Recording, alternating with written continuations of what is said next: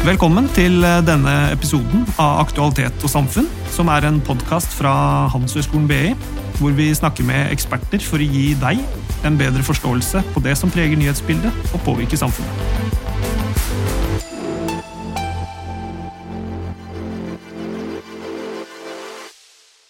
Norges Bank besluttet å heve renten med en ny kvarting, eller 0,25% til 4,5% på bakgrunn av vedvarende bekymring for prisveksten. Dette er da den 14. strake rentehevingen siden 2021, og vi avslutter året med den høyeste styringsretten på 15 år. Er dette omsider rentetoppen? Hvordan ser norsk og internasjonal økonomi ut det kommende året? Det er noe av det vi skal snakke om i dagens podkastepisode. Og for å diskutere dette og ta en titt inn i glasskula, har vi i dag med oss professor og tidligere prorektor Hilde Bjørnland fra Handelshøyskolen BI og Institutt for samfunnsøkonomi, og sjefsøkonom Kjersti Haugland fra DNB Markets. Jeg heter Henrik Stølen og kommer fra kommunikasjonsavdelingen på BI. Velkommen i studio. Tusen takk. Tusen takk. La oss begynne med forrige uke og Norges Banks beslutning. Er dere enig at det var riktig å heve renten nok en gang? Kan begynne med deg. Ja, jeg har spurt meg sjøl hva hadde jeg sjøl stemt for i den komiteen. Fordi det var ikke en lett beslutning. Det var argumenter på hver side som var ganske gode. Både for å ta en pause, ikke minst med tanke på det internasjonale bakteppet, at veldig mange andre sentralbanker nå Det er ganske tydelig at rentetoppen er nådd, og at neste bevegelse her er ned og ikke opp. Men jeg tror nok at jeg hadde stemt i favør av ei heva rente. Og årsaken er at kronekursen har vært altfor svak. Og faktisk så er det sånn at når internasjonale renter nå har falt en god del i det siste, så var det kanskje ekstra masse bang for the bucks faktisk for Norges Bank å heve den ekstra kvartingen. Eh, og dermed da få rentedifferensialet mellom Norge og utlandet til å bli eh, ja, til å gå ut en god del. da. Og Vi ser jo at kronekursen har eh, styrka seg en god del etter beslutningen. Og så skal vi være veldig forsiktige med å innkassere den gevinsten sånn allerede nå. fordi det er jo usikkert om, om det er en vedvarende gevinst, eller om, om, dette plutselig blåser over igjen. Men jeg tror Norges Bank gjorde det rette. Ved å påvirke kronekursen, styrke den, så er det den raskeste og mest effektive måten i dagens situasjon å få ned inflasjonspresset på.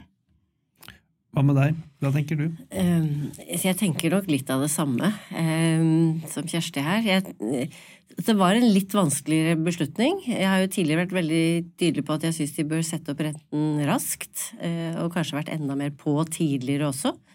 Nettopp fordi at eh, mye av den effekten vil komme via valutakursen, så vi trengte en sterkere krone. Tydelighet i forhold til det, men også i forhold til Jeg vært bekymret for at inflasjonsforventningene skulle feste seg på at vi hadde et varig høyt inflasjonsnivå, som igjen ville føre til inflasjon og lønnsprispress. Så det å være tydelig og få hevet rentene i takt med de andre europeiske og amerikanske sentralbankene, og det har vært viktig. Men nå var jeg litt mer i tvil, eh, rett og slett fordi vi ser at inflasjonen er på vei ned, eh, og vi, vi, ser at en del sektorer begynner å slite, og særlig bygg og anlegg. Jeg tror ikke det er noen sånn stor katastrofe foran oss med det første, men det er helt tydelig at der får vi en avmatning. Og siden renten virker med etterslep, så kunne det peke i retning at man skulle ta en pause nå i desember, og så heller tatt i mer over jul eh, hvis, hvis man trengte det. Så, så, det var liksom de to avveiningene. Um, men uh, hvis jeg liksom hadde fått kniven på strupe, så tror jeg jeg hadde sagt sett opp renta. Ja. det, det, tror jeg hadde gjort. Fordi uh, hvis de ikke hadde gjort det, så tror jeg vi kunne risikert å få uh, kanskje enda svakere valutakurs. og det hadde tatt lengre tid, og så måtte de ha sett opp renten igjen i, i møtet i januar eller i mars, mm. trolig. Eh, men når det er sagt, så tror jeg, og det kan vi kanskje komme tilbake til, mm.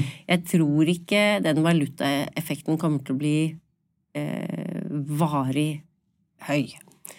Eh, så det er ikke sikkert at eh, dette blir siste gang vi setter opp renta, og det er heller ikke sikkert at, eh, at den kommer til å gå ned så fort, inflasjonen går ned så fort som det de sier.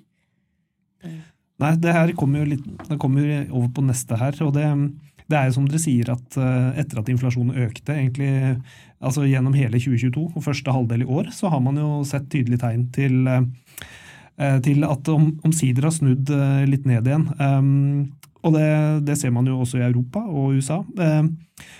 Men betyr dette at renteøkningen har hatt en ønsket effekt, og at man nå ser rentetoppen? Ja, jeg tror eh, absolutt at eh, rentehevingene har hatt en effekt. Definitivt. Eh, og det, har, det er en del av det som har gjort at inflasjonen er forsiktig på vei ned igjen, selv om den tendensen nedover er ikke like sterk i Norge som i mange andre land. Og det er jo kronesvekkelsen som er en viktig årsak til det. da. Men vi må jo nesten spørre oss sjøl hva hadde skjedd hvis vi ikke hadde heva renta opp i lag med andre land. Eh, da hadde nok kronesvekkelsen blitt veldig mye sterkere enn det den har blitt.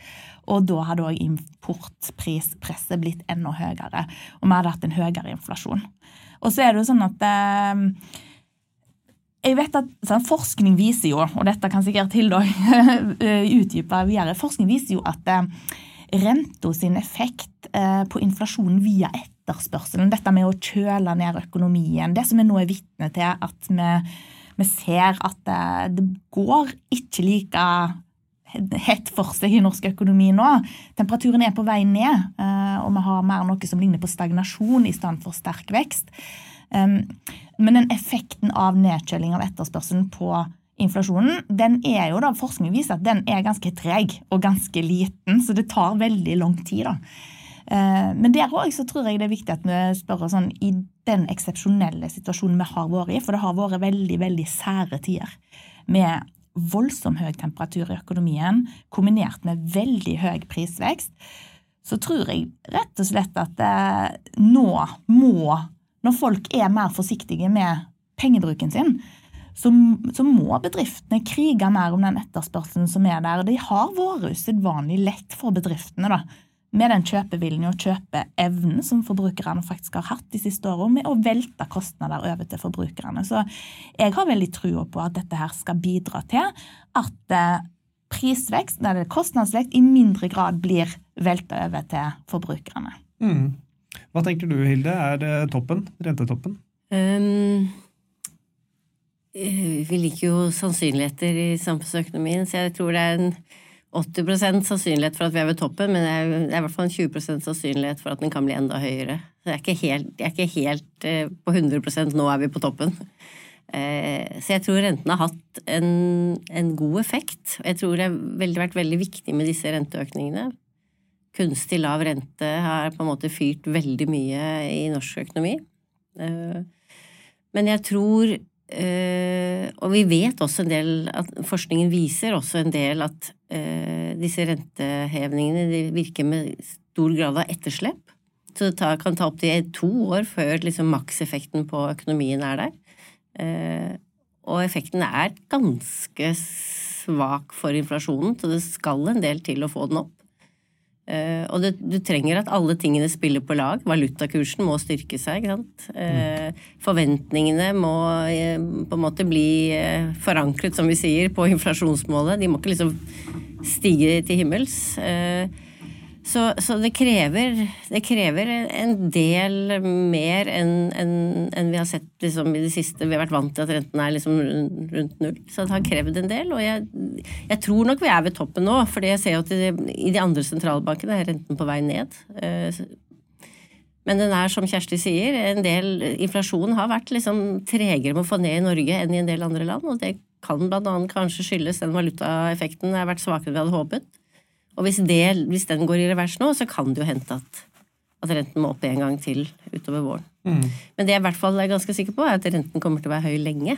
Mm. Jeg tror ikke det blir noe første kvartal rente ned eller annet kvartal. Det blir sent på, på året, eh, i, i best fall.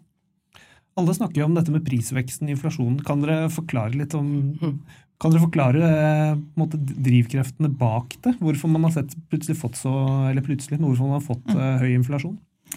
Ja, det er jo i første omgang det som skjedde i Norge som i andre vestlige land, var jo at eh, inflasjonen på både energivarer og andre varer steg veldig kraftig gjennom 2021 og 2022. Det var jo toppen da i 2022.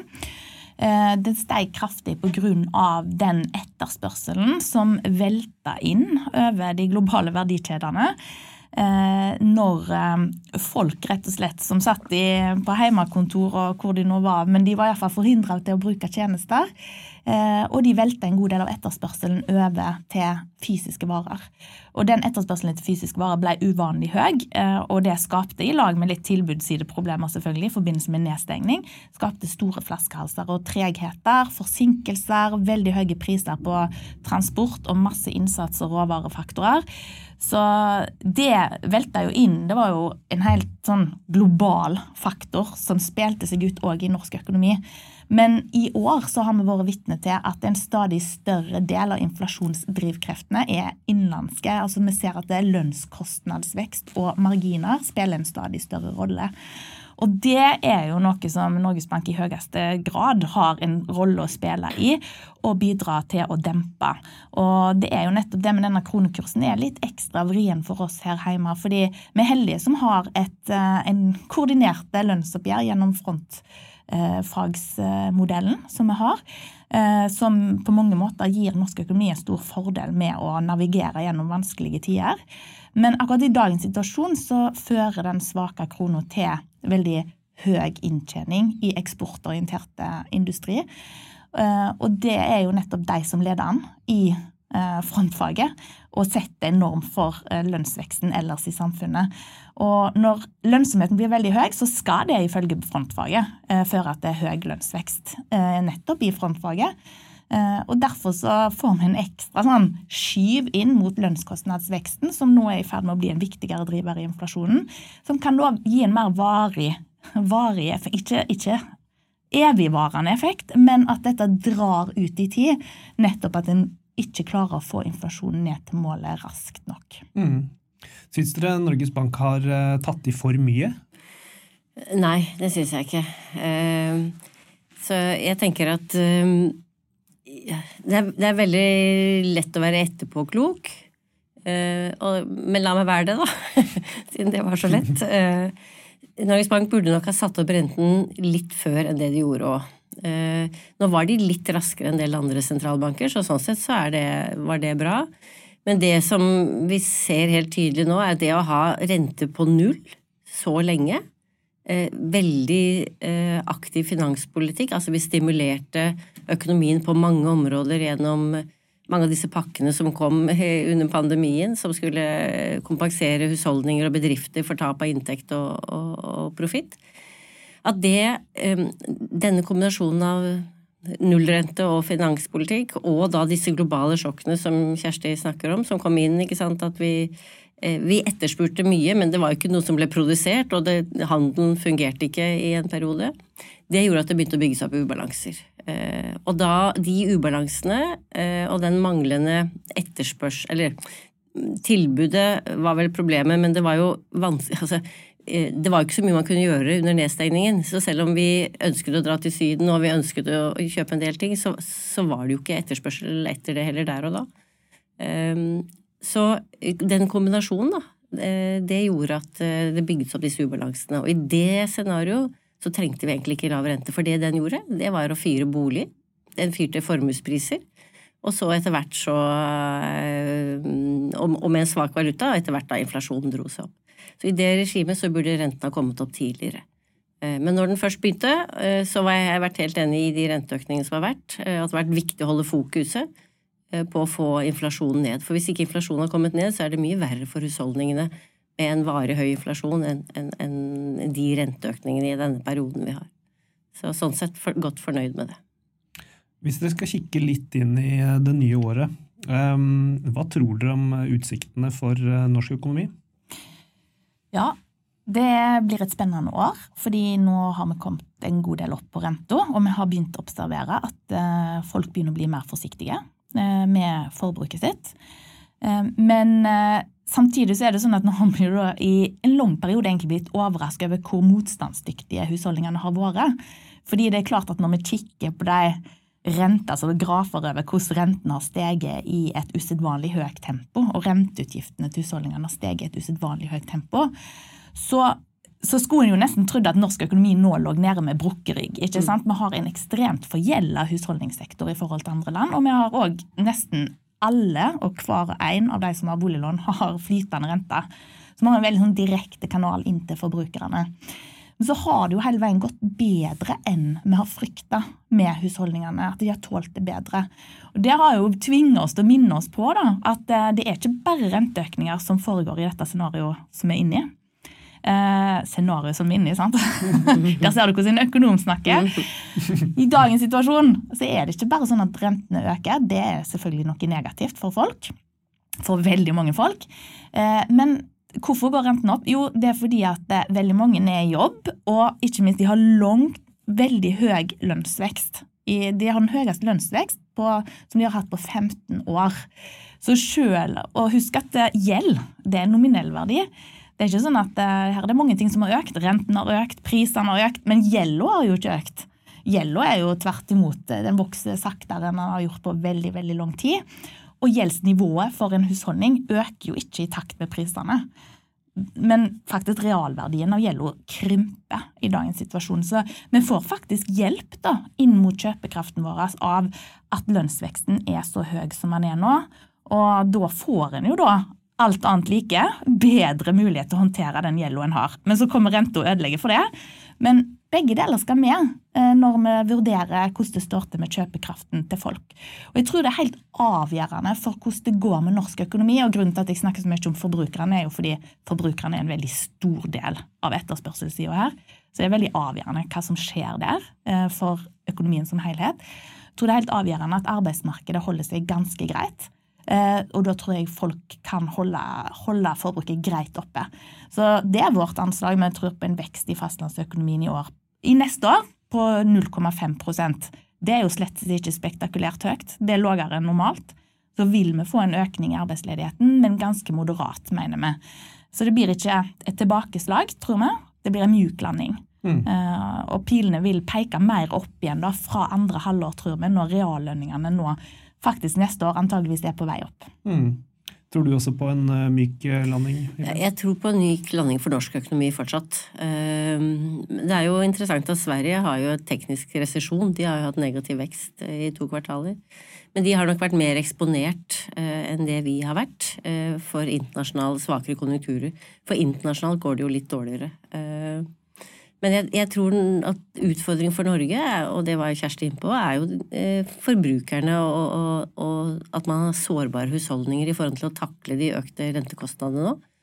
Eh, Og at det kan nok gjøre at, eh, at, vi, at vi får på en måte en, en litt mer Vi får større utfordringer da, i forhold til å takle den eh, fallende etterspørselen, fordi den er veldig ujevnt fordelt. Eh, og så er det helt klart at hvis boligmarkedet strammer seg inn ytterligere, eh, og bygg og anlegg eh, får en nedgang, som det kan se ut som de får, så kan det ha smitteeffekter inn i andre næringer også. Men jeg tror allikevel på at landingen blir myk, men jeg tror det blir en landing her. Jeg tror, ikke, jeg tror vi kommer til å merke at neste år blir tøffere for mange, og at det blir mindre måte aktivitet i økonomien. Her på BI tilbyr vi inspirerende og motiverende videreutdanning, enten du er ute etter et kurs eller en grad. Se link i episodebeskrivelse for mer informasjon.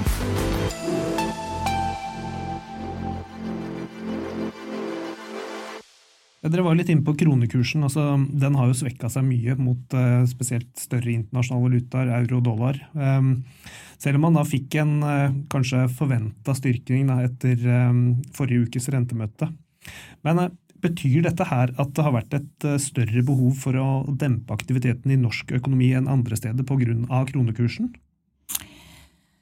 Jeg ville heller vri på det og si at det, det har vært et behov for å bidra til å i alle fall stoppe svekkelsen av krona, eh, og helst styrke krona.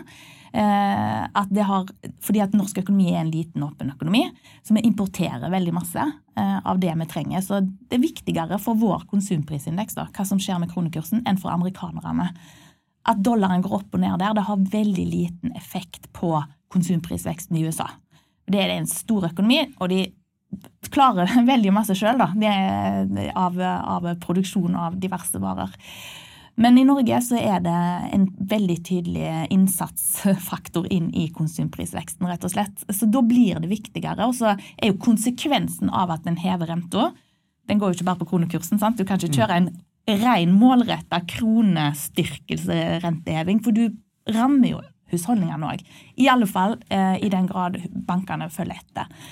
Og det, eh, det er jo ikke noe større grunn til å dempe aktiviteten i norsk økonomi enn i andre økonomier. Jeg vil ikke si at det har gått mer rødglødende her enn eh, i USA, f.eks. Jeg må si at USA er jo den økonomien som holder, holder seg best oppe her, fordi det er jo total fastrenteregime med 30 års bindingstid på boliglånsrentene, så Fed har jo store problemer med å nå inn til forbrukerne med sine rentehevinger litt problemer med å kjøle ned, men det problemet har jo ikke Norges Bank. Så jeg vil heller knytte eh, behovet for å heve renta opp mot eh, behovet for å stagge den effekten på konsumprisene som kommer via kronekursen direkte. Mm. Blir eh, kronekursen jokeren for Norges Bank, tenker du? Altså framover? Ja, Det er helt tydelig at, eh, at den er en joker. Og, uh, fordi vi er en liten åpen økonomi og er avhengig av mye import, så er det klart at uh, fremover så, uh, så, vil det også ha en stor betydning. Men jeg tror det er en tøff kamp for Norges Bank. For jeg tror vi har vært vant til å ha en veldig sterk krone nå inntil for fem til ti år siden. Og den kronen, den har, det er mange grunner til at den har vært sterk, men når den nå har blitt mye svakere, så gjør det at den utfordringen blir på en måte uh, varig litt uh, større for Norges Bank òg. Og jeg tror uh, vi har noe forskning som ser på driver av valutakurs, og vi kan forklare en god del av den svekkelsen vi har sett de siste årene, med to faktorer, to trender. Og det ene er svakere produktivitet i Norge i forhold til utlandet. Og det andre er rett og slett mindre stimulans fra olje og gass inn i norsk økonomi. Eh, og da snakker vi ikke liksom om aktivitet direkte, men produktiviteten vi har fått via å ha en, en, en olje, lønnsom olje- og gassektor, at den, og ringvirkningene den har skapt, at den, de er blitt mindre nå. Og det betyr at når vi nå skal omstille norsk økonomi, eh, så er vi jo avhengig av å finne noe som kan i hvert fall få opp produktiviteten, for å kunne få kronen sterkere igjen. Så de trendene er med på å gjøre at kronen nok er på et svakere leie nå enn det har vært før. Og så er selvfølgelig rentene har, har betydning for liksom at den svinger opp og ned rundt det. Eh, men jeg tror det blir vanskelig for Norges Bank å skulle Og jeg tror heller ikke de har ambisjoner om det, hvis jeg skal gjette. Å få krona tilbake til det vi hadde liksom rundt finanskrisetider før det, for da var det jo mye sterkere krone. Mm. Så vi må nok leve med at vi kanskje har noe høyere rente i Norge for å kompensere for dette, eh, og at inflasjonen vil være tregere å få ned. Så for eh, reiseglade nordmenn, betyr det at vi vil ha en sterkere krone neste år, tror du? eller? Jeg tror nok at kronen blir litt sterkere nå neste år fordi vi nå har en større rentedifferanse til utlandet. Men jeg tror for de reiseglade nordmenn, nordmenn, og jeg er blant de, jeg òg, ehm, så er det ikke så Det er ikke så billig å reise til utlandet som det det var eh, før, og det kommer det ikke til å bli heller. Men kanskje er det bra, da, for vi skal jo også reise litt mindre. Mm. Hva du kan jo kanskje gå enda mer i detalj. Hva er spådommene for kronekursen til neste år? Ja, jeg tror at om ett års tid, eh, og jeg må bare si at jeg, jeg sier meg enig i nettopp de betraktningene som Hilde nettopp snakker om, at jeg tror hovedårsaken til at vi nå betaler betraktelig mer enn åtte kroner for en euro, eh, det er at norsk økonomi er i ferd med å bli en økonomi som ligner mer på andre. Vi skinner ikke like sterkt eh, lenger i form av ekstraordinære motorer, i form av denne oljedrivkraften. da, vi har fortsatt oljefondet, for all del, eh, men disse aktivitetsimpulsene og, ja, de begynner å bli vesentlig svakere. Da. Eh, så da er det et nytt leie for kronekursen. Og så skal ikke jeg sitte her og late som om jeg har fasitsvaret på hva det leie er, hva det likevekstleie er, men jeg tror eh, vi har en prognose på ett års sikt da, at en euro skal koste tolv kroner. Ja. Det er jo faktisk mer enn i dag. Men så tror vi òg at dollaren skal bli litt billigere da, mm. så, enn den er i dag. Så det spørs jo hvor du skal reise, da. Mm. Men uh, tror jeg summa summarum så er det Vi ligger nok ikke så veldig langt vekk fra der vi skal ligge. Gitt situasjonen i norsk økonomi relativt til andre. Mm. Eh, flere har jo også pekt på at eh, Norges Bank er den siste sentralbanken til å heve renten i denne syklusen. Andre sentralbanker som dere har vært inne på, holder jo renten uendret til og med indikerer kutt. Eh, sånn som den amerikanske sentralbanken gjorde nå på sitt forrige rentemøte rett i forkant av Norges Bank. Hvis dere skal se litt utover eh, Norges grenser, altså hvordan ser dere på utsiktene for da europeisk og amerikansk økonomi? Stort spørsmål, men Ja, det, vi tror jo på mjuke landinger der òg. Ja. Det er jo ganske viktig for vårt syn på Norge og renta hjemme og hva som faktisk utspiller seg der ute. Fordi eh, vi tror at eh, amerikansk økonomi kommer til å vokse tregere i 2024 enn den har gjort i 2023. Litt grann svakhetstegn må vi forvente, men altså ikke en sånn resesjon, et tilbakeslag med sterk økning i arbeidsledigheten. Og da tror vi det vil drøye eh, da frem til sommeren før Fed setter i gang med rentekutt. Eh, for eurosonen f.eks., som også er veldig viktig eh, premissleverandør for Norges Bank, så tror vi at markedet akkurat nå, eh, og analytikere, når du ser på konsensusforventninger, de er ganske pessimistiske. De ser ikke ut som om de har særlig trua på at ting skal gå bra i den valutaunionen. Vi er nok mer positive med tanke på at lønnsveksten er veldig høy i øyeblikket, og inflasjonen er klart avtakende. Det betyr at folk der nå får reallønnsoppgang. De er i ferd med å få ganske tidlig reallønnsoppgang. Og ja, rentenivået har kommet opp, det skal vi ha med oss. Det er negativt òg for eh, europeerne, men der har de fastrenter. Ikke 30 års bindingstid, sånn som amerikanere er, men eh, typisk 10 pluss. Eh, og, så det demper jo utslagene av rentehevingene. Og så skal vi òg ha med oss det at mens en gjennomsnittsnordmann har gjeld som er to og en halv ganger så stor som inntekten, så har både amerikanerne og de store eurosone eh, eh, sine husholdninger har en gjeld som er omtrent på linje med inntektene. Så altså et mye lavere rentenivå enn i Norge. Og for de landene sjøl så er det òg veldig mye lavere gjeldsnivå enn de f.eks. hadde i forkant av finanskrisa. Eh, så, så, det betyr at eh, vi tror at pilene vil peke oppover i eurosonen i stedet for nedover i 2024. Så mjuke landinger. Så da vil jo rentene begynne å kuttes, antageligvis fordi at inflasjonspresset antageligvis avtar. Eh, men hvis det f.eks. nå går sterkere enn det vi tror, at det faktisk ikke demper seg, dette eh, trøkket i økonomiene, eh, ja da, og ikke minst lønnsveksten i eurosonen, da kan det jo drøye litt lenger enn det vi tror. For vi har jo nå prognose på september neste år at europeerne begynner å kutte. Men det kan da drøye lenger, og da vil det òg typisk drøye lenger for Norges Bank før de kan sette i gang. Så det er veldig avhengig òg for guffen i norsk økonomi. Hvis markedet, som nå har blitt, vendt seg veldig mye de siste ukene og tror på veldig raske rentekutt både i Europa og USA, hvis de har rett, da, og kuttene kommer tidligere og blir ganske betydelige, så åpner jo det en større dør til Norges Bank. Da. Men det er akkurat sånn som Hilde sier, at det, vi må belage oss på å opprettholde en viss rentedifferanse mot handelspartnerne våre, hvis vi da skal være noe attraktive i dette relative spillet. Mm. Få høre dine spådommer. Eh, de beste spådommene får du nok av eh, de som sitter tettest på eh, modellene sine her. Men, men jeg, jeg, deler nok betraktningene fra Kjersti her, i forhold til at at for at jeg ser for meg en myk landing. Myk landing høres jo egentlig veldig positivt ut. At man lander litt mykt. Men jeg tror nok, hvis jeg kan legge til noe, da, så Jeg er helt enig, eller bare for å ta det enig, jeg er helt enig i at USA der, den, der, ligger det an til en bedre vekst enn kanskje en del andre land. Nettopp fordi de også har Altså det er en økonomi som driver seg selv, og, som, eh, og hvor de har masse stimulans gående eh, og har en inflasjon som er avtagende. I Europa så er det, hvis jeg skal legge til noe der, så er det at det er en del forskjell mellom landene. Og ja, de er mange har fastrente, så de er liksom mindre rammet og, og mindre sårbare enn norske husholdninger. Eh, og selv om eh, lønnsveksten nå kommer opp, så de får nok en reallønnsvekst, så er det likevel store etterslep eh, i, i, i forhold til lønnsvekst i mange land. Og prisene, altså Selv om inflasjonen går ned, så har jo prisene blitt høyere. Og hvis ikke de får kompensert nok med lønn, så er det blitt dyrt for mange. Og det er mange som sliter.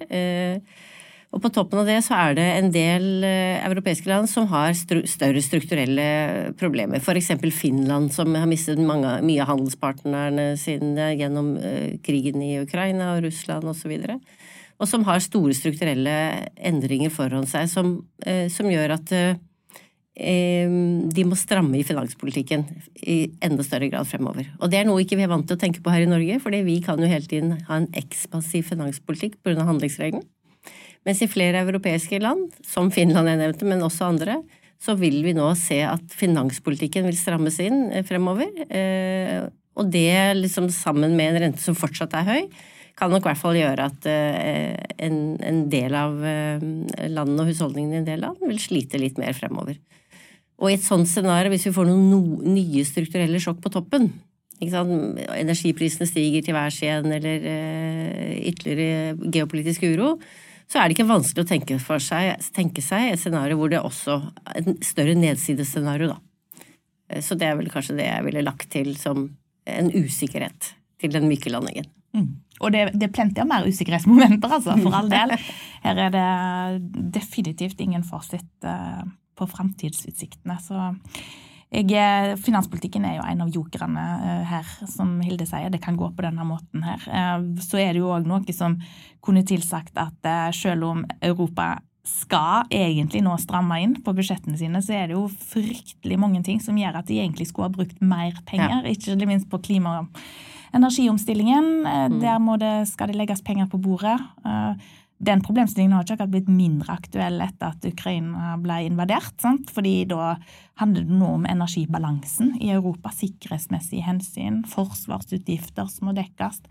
Um, så det skal jo bli litt eh, interessant å se. Da. En av de tingene for 2024, hvor strengt den budsjettdisiplinen mm. kommer til å bli fulgt opp. Helt nå nylig så måtte jo tyskerne da igjen eh, de suspendere denne eh, gjeldsbremsen sin, som de egentlig har på sine budsjetter, fordi at eh, de havna i problemer med forfatningsdomstolen og hadde, hadde da ikke helt lov, vært helt lovlydige i måten de hadde overført penger fra ett budsjett til et annet. Men eh, det viser at det, disse, hvis de skal faktisk gjennomføre disse programmene som de egentlig har forplikta seg til, de skal få Tyskland opp til å bli et karbonnøytralt samfunn, så må de jo faktisk bevilge pengene. Mm.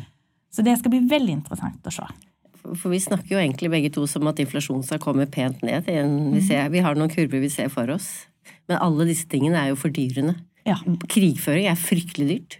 Eh, og det skal russes opp fremover. Eh, klimaomstilling, eh, karbonskatt osv. Alt det er jo med på å bringe inflasjonen oppover. Så det er ikke sikkert at inflasjonen kommer ned så raskt heller. Og da, da, er jo ikke tiden med høye renter over.